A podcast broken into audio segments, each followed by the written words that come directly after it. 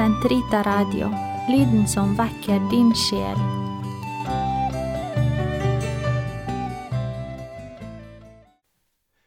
Vi er kommet til en ny episode av opplesning av kompendiet for Den katolske kirkes katekisme. Og vi fortsetter med annen artikkel, Jeg tror på Jesus Kristus, hvor vi sist episode kom til leddet pint under Pontius Pilatus, korsfestet, død og begravet. Hvilken betydning har Jesu påskemysterium? Jesu påskemysterium som omfatter hans lidelse og død. Hans oppstandelse og herliggjørelse er midtpunktet i den kristne tro. Dette fordi Guds frelsesplan er fullbyrdet en gang for alle ved Hans Sønns Jesu Kristi soningsdød. Hvilke anklager førte til at Jesus ble dømt? Noen av Israels ledere beskyldte Jesus for å handle imot loven, mot tempelet i Jerusalem og særlig mot troen på den ene Gud, fordi han betegnet seg som Guds sønn. Derfor overleverte de ham til Pilatus for at han skulle dømme ham til døden. Hvordan har Jesus forholdt seg til Israels lov?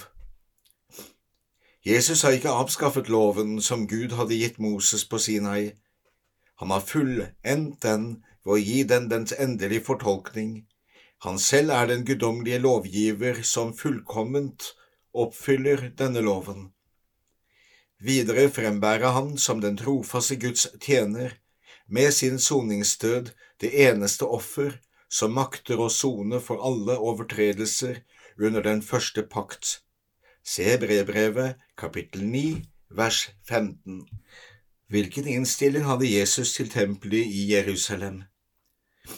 Jesus ble beskyldt for å være fiendtlig innstilt overfor tempelet, men tvert imot æret han det som sin fars hus, se Johannes evangeliet kapittel 2 vers 16, og forkynte der en viktig del av sin lære.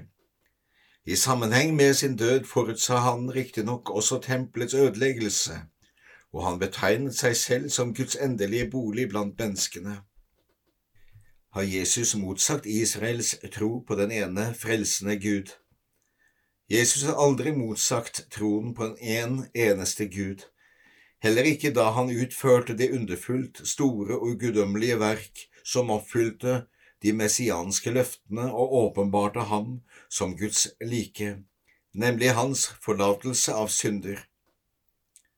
Jesu krav om troen på ham og omvendelse gjør det imidlertid mulig å forstå hvordan Det høye råd kunne begå det tragiske misgrep og anse at Jesus var skyldig til å dø som Guds bespotter. Hvem er ansvarlig for Jesu død? Verken alle jøder uten unntak den gang, eller deres etterkommere som er født i andre land og til andre tider, kan tilskrives skylden for Jesu lidelse og død. Hver eneste synder, det vil si hvert menneske, er i virkeligheten selv opphav til og redskap for Frelserens lidelser. Derfor bærer alle kristne som fortsetter å falle tilbake i sine synder eller fornøyer seg i sine laster, det største ansvar her. Hvorfor hører Kristi død til Guds plan?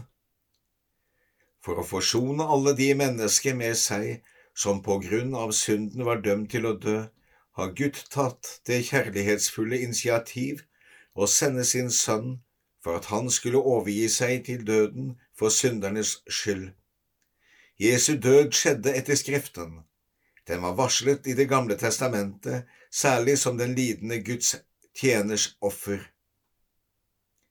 På hvilken måte har Kristus frembåret seg selv for Faderen? Hele Kristi liv er en frivillig offergave til Faderen for å kunne oppfylle Hans frelsesplan. Han ga sitt liv som løsepenge for de mange, og slik forsonet han hele menneskeheten med Gud. Se Markus evangeliet, kapittel 10, vers 45. Hans lidelse og død viser hvordan hans menneskenatur er det frie og fullkomne redskap for den guddommelige kjærlighet som vil alle menneskers frelse. Hvordan kommer Jesu offer til uttrykk ved det siste måltid? Ved det siste måltid med apostlene kvelden før sin lidelse foregriper Jesus den frivillige ofring av sitt liv. Det vil si at han både bringer den figurativt til uttrykk og gjør den reelt nærværende på forhånd. Dette er mitt legeme som gis for dere. Se Lukas evangeliet, kapittel 22, vers 19. Dette er mitt blod som utgytes. Se Matteus evangeliet, kapittel 26, vers 28. Således innstifter han både eukaristien som minne om sitt offer. Se første Korinterbrev, kapittel 11, vers 25, og innsetter apostlene som prester i den nye pakt. Hva skjer ved dødsangsten i Getsemane hage? Til tross for den gru døden utgjorde for Guds sønns hellige menneskenatur, han som er livets fyrste, se apostelgjerningene kapittel 3 vers 15, godtok likevel hans menneskelige vilje Faderens vilje. For å frelse oss var Jesus beredt til å bære våre synder på sitt legeme og være lydig til døden. Se Filippebrevet kapittel 2 vers 8. Hva utvirker Jesu offer på korset? Jesus har frivillig gitt sitt liv som soneoffer det vil si at han sonet våre synder ved sin kjærlighets fullkomne lydighet inntil døden. Han gjenopprettet det vi hadde feilet, denne Guds sønns kjærlighet inntil enden. Se Johannes evangeliet, kapittel 13, vers 1. Forsone hele menneskeheten med Faderen. Kristi påskeoffer forløser altså menneskene på et enestående, fullkomment og endelig vis og åpner fellesskapet med Gud for dem. Hvorfor oppfordrer Jesus sine disipler til å ta sitt kors på seg? Idet Jesus oppfordrer sine disipler til å ta opp sitt kors og følge ham, ønsker han å knytte til sitt soneoffer dem som er de første til å nyte godt av det. Se Matteus kapittel 16 vers 24. Hvilken tilstand var Kristi legeme da de lå i graven? Kristus led en ekte død og er virkelig blitt begravet, men den guddommelige kraft bevarte Kristi legeme fra forråtnelse. Jeg tror på Jesus Kristus som for ned til dødsriket, sto opp på den tredje dag fra de døde. Hva er dødsriket som Jesus for ned i Dødsriket, som ikke må forveksles med de fordømtes helvete, var tilstanden til alle dem som var døde for Kristus, enten de nå var rettferdige eller onde. Jesus steg i sin sjel, forbundet med hans guddomsperson, ned til dødsriket, til de rettferdige som ventet på sin frelser, så de endelig kunne skue Gud. Etter at han gjennom sin død hadde beseiret døden og dødsfyrsten, det vil si djevelens makt, befridde han de rettferdige som ventet på Frelseren, og åpnet himmelens porter for dem. Hvilken plass har Kristi oppstandelse i vår tro? Jesu oppstandelse er sannhetens høydepunkt i vår tro på Kristus. Sammen med korset er den det vesentlige i påskemysteriet. Hvilke tegn gir vitnesbyrd om Jesu oppstandelse? Ved siden av den tomme gravens vesentlige tegn er Jesu oppstandelse bevitnet av kvinnene som først møtte ham og bar bud om det til apostlene. Deretter ble Jesus sett av Kefas, og så av de tolv. Derpå ble han sett av over 500 brødre på en gang. Se første Korinterbrev, kapittel 15, vers 5 og 6. Han viste seg også for andre. Apostlene kunne ikke oppfinne oppstandelsen, for i deres øyne var den umulig. Jesus bebreidet dem sågar for deres vantro.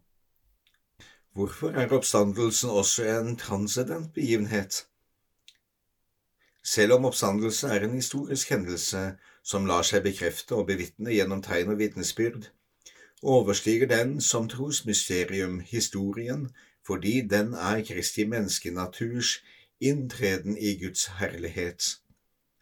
Derfor åpenbarte den oppstandende Kristus seg ikke for verden, men for sine disipler, og gjorde dem til sine vitner overfor folket. I hvilken tilstand befinner Jesu oppstandende legeme seg? Kristi oppstandelse var ikke en tilbakevending til jordelivet. Hans oppstandende legeme er det samme som er blitt korsfestet, og bærer sporene av hans lidelse. Ikke desto mindre har han allerede del i det guddommelige liv og er utrustet med en forherliget legemes egenskaper.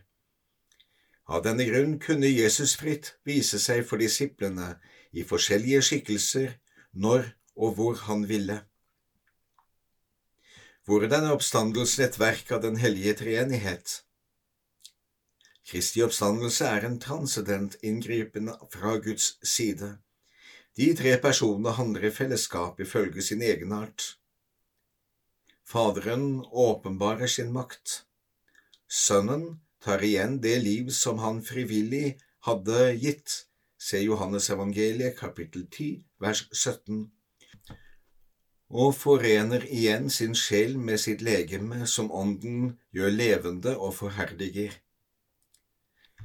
Hva er oppstandelsens frelsende betydning? Oppstandelsen er inkarnasjonens høydepunkt. Den bekrefter Kristi guddom og alt han gjorde og lærte. Den oppfyller alle de guddommelige løfter for oss. Videre er den oppstandende Kristus som seier over synd og død. Årsaken til vår rettferdiggjørelse og fremtidige oppstandelse. Allerede nå tilveiebringer Han for oss den barnlige adopsjons nåde som er en virkelig deltakelse i hans liv som enbåren sønn. Ved tidenes ende vil han oppvekke vårt legeme. Jeg tror på Jesus Kristus, som for opp til himmelen, sitter ved Gud Faders, den allmektiges, høyre hånd. Hva betyr Kristi himmelfart? Da 40 dager var gått, hvor Kristus hadde vist seg for apostlene i en vanlig menneskenaturs skikkelse, en skikkelse som skjulte hans herlighet som den oppstandende, for han opp til himmelen og satte seg ved Faderens høyre hånd. Han er Herren, som nå i sin menneskenatur hersker i Guds Sønns evige herlighet uavlatelig taler vår sak hos Faderen. Han sender oss sin ånd og gir oss håp om en dag å nå frem til ham, for han har forberedt en plass for oss skal derfra komme igjen for å dømme de levende og de døde. Hvordan hersker Herren Jesus nå?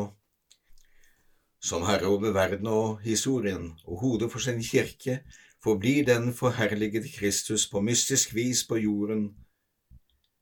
Her er Hans rike allerede nærværende som spire og begynnelse i kirken. En gang vil han komme tilbake i herlighet men vi kjenner ikke tidspunktet. Derfor lever vi i årvåken forventning og roper, Herre, kom. Se åpenbaringsboken kapittel 22 vers 20. Hvordan vil Herrens komme i herlighet være? Etter den forgjengelige verdens siste kosmiske rystelse vil Kristus komme i herlighet. Guds endelige triumf vil finne sted ved Kristi gjenkomst og den siste dom. Slik vil Guds rike nå frem til sin fullendelse. Hvordan vil Kristus dømme levende og de døde?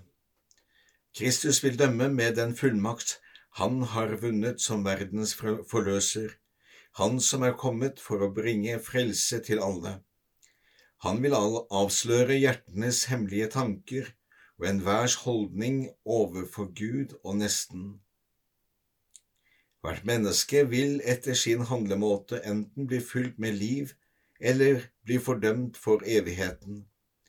På denne måten blir Kristi hele fylde oppnådd, der Gud vil være alt i alle. Se Efeserbrevet kapittel 4 vers 13 og første Korinterbrev kapittel 15 vers 28. Kommende søndag feirer vi pinsehøytiden.